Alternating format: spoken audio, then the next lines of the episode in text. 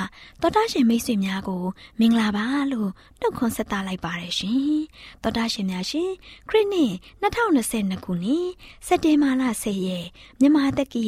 1384ခုနှစ်တော်သလင်းလားစုတ်တရက်စနေနေ့မျော်လင့်ချင်းတန်မြမာစီစဉ်များကိုစတင်တန်လွင့်နေပါတယ်ရှင်။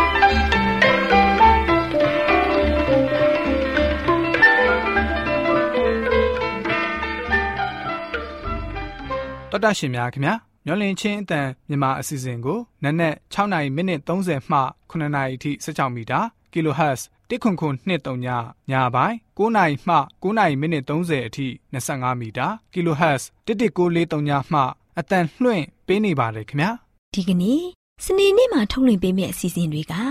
တရားဒေသနာဟောကြားခြင်းအစီအစဉ်ကလေးများအတွက်စံစာပုံမျိုးဟောကြားခြင်းအစီအစဉ်စံပြအင်တာဗျူးအစီအစဉ်တို့ဖြစ်ပါတယ်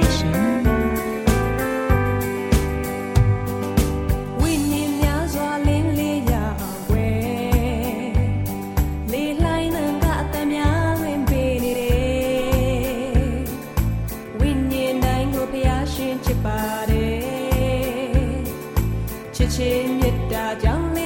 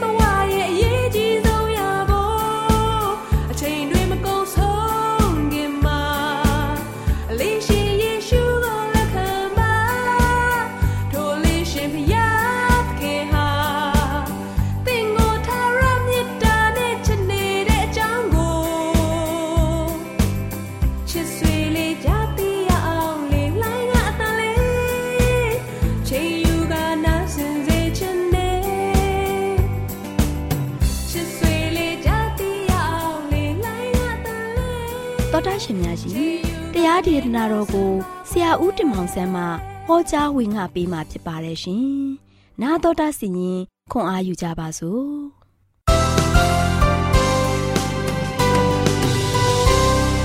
။ချစ်တော်မိတ်ဆွေပေါင်းတို့မင်္ဂလာပေါင်းနဲ့ပြေဝဆုံနေကြပါစေ။ဒီဒီနေ့မင်္ဂလာနေ့တင်ပါလို့ရှင်ဆက်လက်ပြီးတော့မင်္ဂလာသတင်းစကားအသစ်ကတော့တရားစီရင်ခြင်းမှာမြည်သူနဲ့စတင်မလဲတရားစီရင်ခြင်းကဘယ်သူနဲ့စတင်မလဲကျွန်တော်တို့ စိတ်ဝင်စားကြပါသလားယနေ့တရားစီရင်ခြင်းဟာတို့ရှင်ကဘာပေါ်မှာရှိတဲ့လူသားအားလုံးကဒီတရားယုံမှာရင်ဆိုင်ပြီးတော့တရားစီရင်ခြင်းခံမှာဖြစ်ပါတယ်ပုရုသင်လူသားအားလုံးကတို့ရှင်မပြတ်မကွက်နဲ့အဲ့ဒီတရားယုံကိုတွားရမှာဖြစ်ပါတယ်ချစ်တော်မိတ်ဆွေတို့အဲ့ဒီတရားယုံဟာတို့ရှင်ကောင်းကင်တရားယုံဖြစ်ပါတယ်ဒါကြောင့်ဒီကောင်းကင်တရားယုံမှာတို့ရှင်တရားစီရင်ခြင်းဟာဘယ်သူနဲ့စတင်ပြီးတော့တရားစီရင်မလဲ ကျွန်တော်စိတ်ဝင်စားတဲ့အသိကောင်းပါတယ်ပြီးကြတဲ့ရက်ကတော့တရားစီရင်ခြင်းဟာဖရာသခင်ကိုမိမိရဲ့ကယ်တင်ပိုင်ရှင်ဖြစ်လက်ခံယုံကြည်ပြီးတော့ဖရာသခင်ရဲ့အလိုတော်ကိုဆောင်တဲ့သူတွေကကနဦးဆုံးစပြီးတော့တရားစီရင်ခြင်းခံရမယ်လို့ပြောခဲ့ပါတယ်။ဒါကြောင့်တရားစီရင်ခြင်းကဖရာသခင်ရဲ့လူများလို့ကိုယ့်ကိုယ်ကိုခေါ်တဲ့လူတွေကိုအရင်ဆုံးစတင်ပါလိမ့်မယ်။အာဘေလဆိုရှင်ယုံတရားယုံမှာဆိုရှင် ယုံတင်စစ်ဆေးတဲ့ရက်ကိုကျွန်တော်တို့စိတ်ဝင်စားပြီးတော့ပုံဖော်ကြည့်ကြပါစို့။သူရဲ့အမှုတရားယုံကိုရောက်လာတဲ့ခါမှာဖယားသခင်ကသူ့ရဲ့အသက်တာကိုကြည့်လိုက်တဲ့ခါမှာသူဟာဖယားသခင်ရဲ့သိုးတန်ရဲ့တတ်ခံခြင်းကိုလက်ခံခဲ့ကြောင်းမှတ်တမ်းတင်ထားတာကိုတွေ့ရပါလိမ့်မယ်။ကျမ်းစာထဲမှာဆိုရှင်မှတ်တမ်းတင်ထားတဲ့အာဘေလရဲ့နောက်ဆုံးဆောင်ရွက်ချက်တစ်ခုကတော့ကြွလာမဲ့ရွေးနှုတ်ရှင်ပေါ်မှာ ယုံကြည်ခြင်းကို ပြတဲ့ရစ်ပူဇော်ခြင်းပဲဖြစ်ပါတယ်။အားချစ်တော်မိတ်ဆွေတို့သူ့ရဲ့အပြစ်အားလုံးကိုသခင်ခရစ်တော်ရဲ့အသွေးတော်ကဖုံးအုပ်ပေးခဲ့ပါတယ်။အာဘေလရဲ့ရှေ့နေသခင်ယေရှုကဆိုရှင်သူ့ရဲ့တန်မိုးရာအမာရွတ်နဲ့လက်တော်ကိုစန့်တန်းပြီးတော့ဒီလိုပြောခဲ့မယ်ဆိုတာသိကြပါတယ်။အဖေကျွန်တော်ရဲ့အသွေးတော်အားဖြင့်အာဘေလရဲ့အကျွေးကို ပေးဆက်ပါတယ်ဆိုပြီးတော့ခရစ်တော်ကပြောมาဖြစ်ပါတယ်။ပြီးတော့အာဘေလရဲ့နာမည်ကို အသက်စာဆောင်ထဲပါထားပါလို့ပြောလိုက်တဲ့ခါမှာမရွေမတွက်နိုင်တဲ့ကောင်းကင်တမန်များရဲ့ဝမ်းမြောက်တန်ကိုသင်ကြားနိုင်ပါလိမ့်မယ်။ဒါကြောင့်သူ့ရဲ့နာမည်ကဆိုရှင်အဲ့ဒီစာအုပ်ထဲမှာရှိသေးပါပဲ။သခင်ယေရှုကဒီလိုဂတိပေးထားပါတယ်။ဗျာဒိတ်ကျမ်းခန်းကြီး3ငယ်လေးကနေ9မှာအောင်မြင်သောသူသည်ဖြူသောဝိရုံကို ဝစ်စင်လိမ့်မည်။ထိုသူ၏နာမည်ကိုအသက်စာဆောင်မှာငါသည် အလင်းမချေ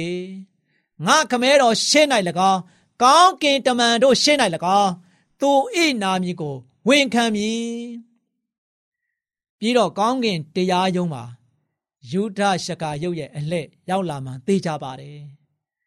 ယူဒရှကာယုတ်ဟာဆိုရှင်သခင်ခရစ်တော်ရဲ့နောက်တော်ကိုလိုက်ခဲ့တဲ့သူ့ရဲ့တပည့်တော်တစ်ပါးဖြစ်ပါတယ် သူကဒီလောကကြီးမှာဆိုရှင်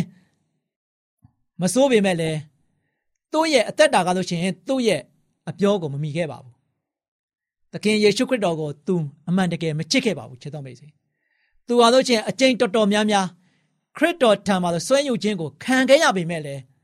သူ့ရဲ့အားနည်းချက်တစ်ခုကတော့အခြားတစ်ခုကဖြစ်ပေါ်စေပြီးတော့နောက်ဆုံးမှာဆိုရှင်သူ့ရဲ့သခင်ကိုငွေအသက်ပြား30နဲ့ရောင်းစားခဲ့ပါတယ်။ ဘာလို့ဝမ်းနေစရာကောင်းတယ်။သခင်နဲ့အတူသွားလာခဲ့တယ်။သခင်နဲ့အတူဘုရားသခင်ရဲ့မှုတော်ကိုပါဝင်ခဲ့တယ်။သခင်အနာမှာနေခဲ့ရတယ်။သို့ပေမဲ့လည်းသူဟာဆိုရှင်နောက်ဆုံးသခင်ကိုငွေတပြား30 30နဲ့ရောင်းစားခဲ့တယ်။အဲ့ဒီနောက်မှာဆိုရှင်နာကျင်းမှုနဲ့သူ့ကသူဇွဲကြိုးချပြီးတော့အသေးတတ်ခဲ့တယ်။သခင်ယေရှုယူဒာကိုသိချစ်ပါတယ်။နော်။သခင်ယေရှုကယူဒာရှက်ကာယုတ်ကိုသိချစ်ပါတယ်။ နောက်ဆုံးညသာစားပွဲမှာဆိုရှင်ယူဒာရဲ့ဖုံပင်နေတဲ့ခြေထောက်တွေကိုတောင်မှခရစ်တော်ဘုရားဆိုရှင်စေကြောပေးခဲ့ပါသေးတယ်။တရားစီရင်ခြင်းနေ့မှာယူဒာအတွက်ရှင်းနေအဖြစ်ဆောင်ရွက်ပေးခဲ့ခြင်းပေမဲ့ယူဒရှကာယုတ်အတွက်ရှင်းနေအဖြစ်ဆောင်ရွက်ပေးခြင်းပေမဲ့လေယူဒနာမည်ကို ပြန်ခေါ်တဲ့အခါသခင်ယေရှုဘလောက်ဝမ်းနေခဲ့မလဲချစ်တော်မိတ်ဆွေ ကျွန်တော်ရဲ့ဖြောင်းမှတ်ခြင်းဟာဆိုရှင်တရားစီရင်ခြင်းနေ့မှာဘာမှအသုံးမဝင်ပါဘူးနားထောင်ပါဟေရှာယနာဂတိကျမ်း64အငယ်6မှာပြူဘူးသမျှသောကုသိုလ်ကောင်းမှုတို့သည်ညစ်သောအဝတ်နှင့်တူကြ၏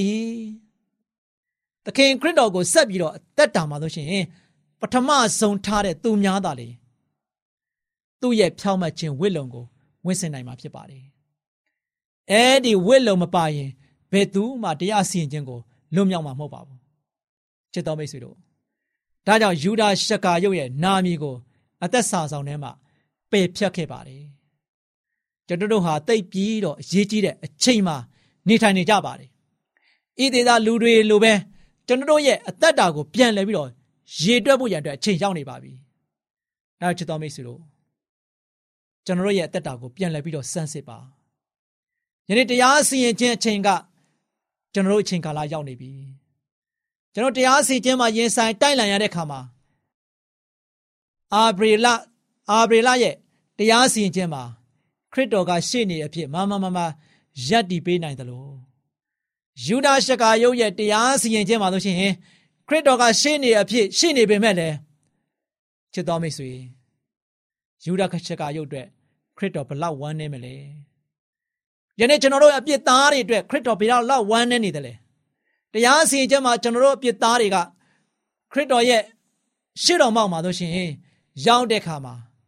ရှေ့နေကြီးဖြစ်ဆောင်ရွက်ပေးနေတဲ့ခရစ်တော်ကိုတွေ့မြင်နေရတဲ့ခါမှာယနေ့ခရစ်တော်ဘုရားကကောင်းတဲ့ဆိုးမှာကျွန်တော်တို့အတွက်လုံးဝမခွဲမခြားဘဲနဲ့ယက်တည်ပေးသွားမှာဖြစ်ပါတယ်။ဒါချစ်တော်မိတ်ဆွေတို့ဒီနေ့အသက်တာကိုပြန်လဲပြီးတော့ဆန်းစစ်ပါ ဒီနေ့ကြားနာခဲ့ရတဲ့အာဗြေလနဲ့ယူဒရှကာယုတ်ဖရာသခင်ရဲ့စကားတော်ကိုနားထောင်ခဲ့တဲ့သူဖရာသခင်ရဲ့အလိုတော်ကိုစောင့်ပြီးတော့အသက်တာကိုရှင်သန်ခဲ့တဲ့အာဗြေလရဲ့တရားစီခြင်းနဲ့ဖရာသခင်နောက်တော်ကိုလိုက်အောင်ဆောင်ပြီးတော့အသက်တာမှာတို့ရှင်ရင်ဖရာနဲ့အတူတွာလာခဲ့ပေမဲ့နောက်ဆုံးမှာဖောက်ပြန်သွားခဲ့တဲ့အပြစ်တရားကိုနှောင်တမရခဲ့တဲ့ ယူဒရှကာယုတ်တို့ရဲ့တရားစီရင်ခြင်းကိုကြားနာခဲ့ရတဲ့ခါမှာယနေ့သင်ဟာဘယ်တရားစီရင်ခြင်းမှာရင်ဆိုင်တိုက်လိုက်နိုင်မလဲဒီတရားစီရင်ခြင်းတစ်ခုမှာကျွန်တော်ကျမတို့ဟာဆိုရှင်ဘုရားသခင်ရဲ့ပေးသနာမဲ့ထာဝရအသက်ကိုရဖို့ရန်အတွက်ကျွန်တော်တို့ဘလို့စောင့်တည်ရမလဲကျွန်တော်တို့ရဲ့တက်တာကိုဘလို့တည်ဆောက်ပြီးတော့အသက်ရှင်ရမလဲဆိုတာကိုမိမိကိုယ်ကိုပြန်လည်စမ်းစစ်ရင်းနဲ့မိမိတို့ရဲ့တက်တာမှာဘာတွေလိုအပ်သေးတယ်လဲ မိမိရဲ့ဝိညာဉ်ရေးအတွက်ဘယ်လိုမျိုးတက်တာနေနဲ့ရှင်သန်ရမလဲမိမိမှာဆိုရှင်ဘယ်လိုမျိုးဖျားနဲ့တူဘယ်လိုတည်ဆောက်ဖို့လိုအပ်သေးတယ်ဆိုတာကိုကိုယ့်ကိုယ်သူမေးခွန်းထုတ်ရင်းနဲ့သင်တို့ရဲ့တက်တာမှာရှေ့ဆက်ပြီးတော့ရှောင်လန်းနိုင်ကြပါစေလို့အားပေးတိုက်တွန်းနေတင်ကုန်းချုပ်ပါတယ်ချစ်တော်မိတ်ဆွေများအားလုံးဘုရားသခင်ကြွယ်ဝမြတ်ပြစွာကောင်းကြီးမလားတလောင်းချပေးပါစေခိတ္တကနာဆုတောင်းကြပါစို့အထက်ကောင်းငယ်ပုံ၌တည်ရှိမထာဝရရှင်ဖာဗျာယနေ့ဤချိန်၌ကြားနာခဲ့ရသောနှုတ်ကပတော်သတင်းစကားသည် သားမတို့အတွက်အလုံးမပင်တည်ရရှင်ရေးအရေးကြီးတဲ့သတင်းစကားများဖြစ်ပါတယ်အဖဖျားယနေ့တရားစီရင်ခြင်းမှာသားမတို့သည်အရောက်တိုင်းပါဝင်ဆင်နွှဲရမည်ဖြစ်တဲ့အတွက်ကြောင့်မိမိတို့ရဲ့တက်တာကိုကောင်းမွန်စွာဖြင့်ကိုရှင်ဖျားနဲ့တူမွေးလျော်ပြီးတိဆောက်ယူနိုင်တဲ့အာဗြေလာကဲ့သို့အသက်တာမှာပြစ်ကင်းစင်ပြီးတော့ကိုရှင်ဖျားနဲ့တတ်မြတ်နိုးတော်မူသောအသက်တာမျိုးနဲ့တိဆောက်နိုင်သောတာမီတီးတီးဖြစ်ပေါ်ရန်အတွက်ကိုရှင်ဖဖျားမဆာတော်ပါ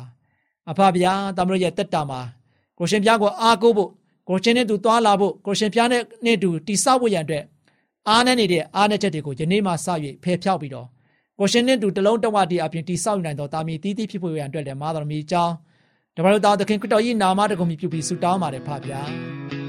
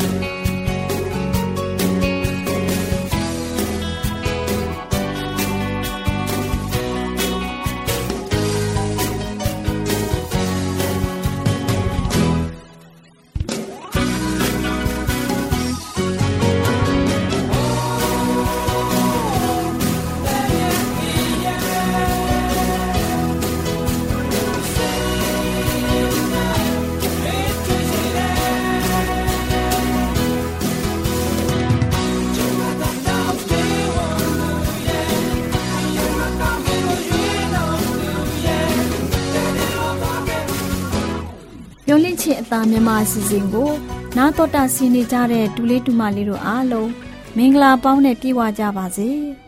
ဒူလေးတူမလေးတို့ရေဒီနေ့တမချန်းစာပုံမြင်ကန်တာမှာဒေါ်လေးလှလှပြောပြမဲ့တမချန်းစာပုံမြင်လေးကတော့ဖျားသခင်ဒီအလင်းဆိုတဲ့အကြောင်းဖြစ်တယ်ဒူလေးတူမလေးတို့ရေခလေးတို့ကို အလင်းရောင်ကိုနှစ်သက်သလားအမောင်ကိုနှစ်သက်သလားလို့မေးရင်အလင်းရောင်ကို ပို့ပြီးနှစ်သက်ကြမှာပဲနော် အလင်းရောင်ထဲမှာပျော်သလားအမှောင်ထဲမှာပျော်သလားလို့မေးရင်လဲအလင်းရောင်ထဲမှာပျော်တယ်လို့လူတိုင်းဖြေမှာပဲဟုတ်တယ်ကလေးတို့ရဲ့အလင်းဟာလူတိုင်းအတွက်စိတ်ပျော်ရွှင်ရာအားကိုးစရာအန်ဒီရဲ့ကင်းဝေးစရာတွေဖြစ်လာစေတယ်ကြက်တီမင်္ဂလာနဲ့ပြည့်စုံစေတယ်ကွအမှောင်ဆိုတာကတော့စိတ်ချောက်ချားစရာကြောက်မဲ့ဖွယ်ရာအန်ဒီရဲ့နဲ့ပြည့်နေနေတဲ့နေရာအမင်္ဂလာရှိတဲ့နေရာဖြစ်တာပေါ့ဒါကြောင့်လူတိုင်းက ဘယ်နှစ်သက်ကြမလဲကွကလေးတို့ရေကလေးတို့သိအောင်ပြောပြမယ်ဖျားသခင်ဟာအလင်းဖြစ်တဲ့အနန္တဘုံတကိုးနဲ့ပြည့်ဝစုံလင်တဲ့မေတ္တာတော်ရှင်အလင်းရှင်ဖြစ်တယ်ဖျားရှင်ဟာအမှောင်လုံးဝမရှိဘူးကွသခင်ယေရှုခရစ်တော်ကိုတော်တိုင်ပြောခဲ့တယ်ဒါကြောင့်လူတွေဟာငါတို့တော့ဖျားသခင်နဲ့မိတ္တဟာယဖွဲ့ရပြီလို့ဆိုပြီးအမှောင်ထဲမှာကြည်လည်နေရင်တော့နှုတ်နဲ့ရော အကျင့်အားဖြင့်ရော လိမ်လည်တဲ့လူတွေဖြစ်တာပေါ့ကွယ်။ဘာကြောင့်လဲဆိုရင် အမောင်ဆိုတာအပြစ်တုဆိုင်နဲ့ပြစ်နဲ့နေတဲ့နေရာဖြစ်တယ်ဆိုတာခလေးတို့သိပြီးသားမဟုတ်လား။ဒါပေမဲ့အလင်းမှာကျင်လည်ပျော်မွေ့တဲ့လူတွေကတော့အချင်းချင်းတယောက်နဲ့တယောက်မိသားရဖွဲ့ကြတယ်။ဖျားသားတော်သခင်ယေရှုရဲ့အသွေးတော်ဟာလည်းသူတို့ရဲ့ပြည့်ရှိသမျှကိုစေကြောစင်ကြယ်စေပါတယ်။ငါတို့ဟာအပြစ်သားတွေမဟုတ်ဘူးလို့ပြောတဲ့လူတွေကလည်း မိမိကိုယ်ကိုလှည့်စားကြတာပဲကွဒါဟာတစ္ဆာတရားမရှိတာဖော်ပြတာပဲတူလေးတူမလေးတို့ရေအပြစ်လူသားတွေအတွက်ဝမ်းသာစရာကတော့နောင်တရပြီးအပြစ်ဝန်ချတောင်းပန်ရင်ဖျားသခင်ဟာဂတိတီတော်မူပြီးတရားမျှတတော်မူတဲ့အရှင်ဖြစ်တော်မူတဲ့အတွက်လူတို့ရဲ့အပြစ်ကိုဖြစ်လွတ်ပြီးဒုစရိုက်အညစ်အကြေးအပေါင်းတို့နဲ့ကင်းစင်စေတော်မူလိမ့်မယ်။ဒါကြောင့်အသင်းသူအသင်းသားတပည့်တော်စုတွေအ ပြစ်ကျူးလွန်တဲ့သူတွေမဖြစ်ဖို့ရှင်ယောဟန်တို့ရှင်ပေတရုတို့လိုပုဂ္ဂိုလ်ကြီးတွေကစာရေးပြီးတတိပေးပြောကြားကြတာပေါ့ကွယ်တကယ်လို့တယောက်ယောက်ကအပြစ်ကျူးလွန်မိရင်လေသခင်ယေရှုခရစ်တော်ဖခင်ကအပြစ်သားတွေအတွက်အပြစ်ပြေရာပြေကြောင်းပူဇော်ဆက်ကပ်တော်မူတဲ့အရှင်ဖြစ်တယ်ကလေးတို့ရဲ့ဖခင်သခင်ရဲ့ပြည့်ညတ်တော်တွေကိုစောင့်ထိန်မှသာဖခင်သခင်ကိုတိကျွမ်းသူတွေဖြစ်ကြောင်းသိနိုင်တယ် ဖယားရှင်ကိုသိကျွမ်းပါတယ်ဆိုပြီးဖယားရှင်သတ်မှတ်ထားတဲ့ပြည့်ညတ်တော်တွေကိုမစောင့်လို့ရှိရင်လူလိမ်ဖြစ်တယ်။အဲ့ဒီလူဟာတစ္ဆာတရားမရှိဘူးလို့နှုတ်ကပတ်တရားတော်ကဖော်ပြထားတယ်ကွ။ဖယားသခင်ရဲ့စကားကိုနားထောင်တဲ့လူတွေကတော့ဖယားသခင်ရဲ့ချစ်ချင်းမေတ္တာနဲ့ပြည့်ဝစုံလင်ပါလိမ့်မယ်ကွ။ဒါမှလည်းဖယားသခင်နဲ့တလုံးတဝရတဲ့ဖြစ်တာသိပါလိမ့်မယ်။ဖယားသခင်နဲ့တလုံးတဝတဲ့ဖြစ်ကြောင်းတည်တည်ချာချာသိတဲ့လူက သခင်ယေရှုခရစ်တော်ရဲ့ခြေတော်ရာကိုလိုက်လျှောက်တဲ့သူဆိုတာဖြစ်လိမ့်မယ်။ခလေးတို့ရေခလေးတို့လည်းလူသားတွေရဲ့အပြစ်ကိုဖြစ်လို့ပြီးအမောင်ထဲမှာအလင်းထဲကိုရောက်အောင်ကယ်တင်ခြင်းကိုပေးနိုင်တဲ့အလင်းရှင်ယေရှုခရစ်တော်ဘုရားကိုတည်ကျွမ်းနိုင်ကြပါစေကွယ်။ခလေးတို့အားလုံးကိုဘုရားသခင်ကောင်းချီးပေးပါစေ။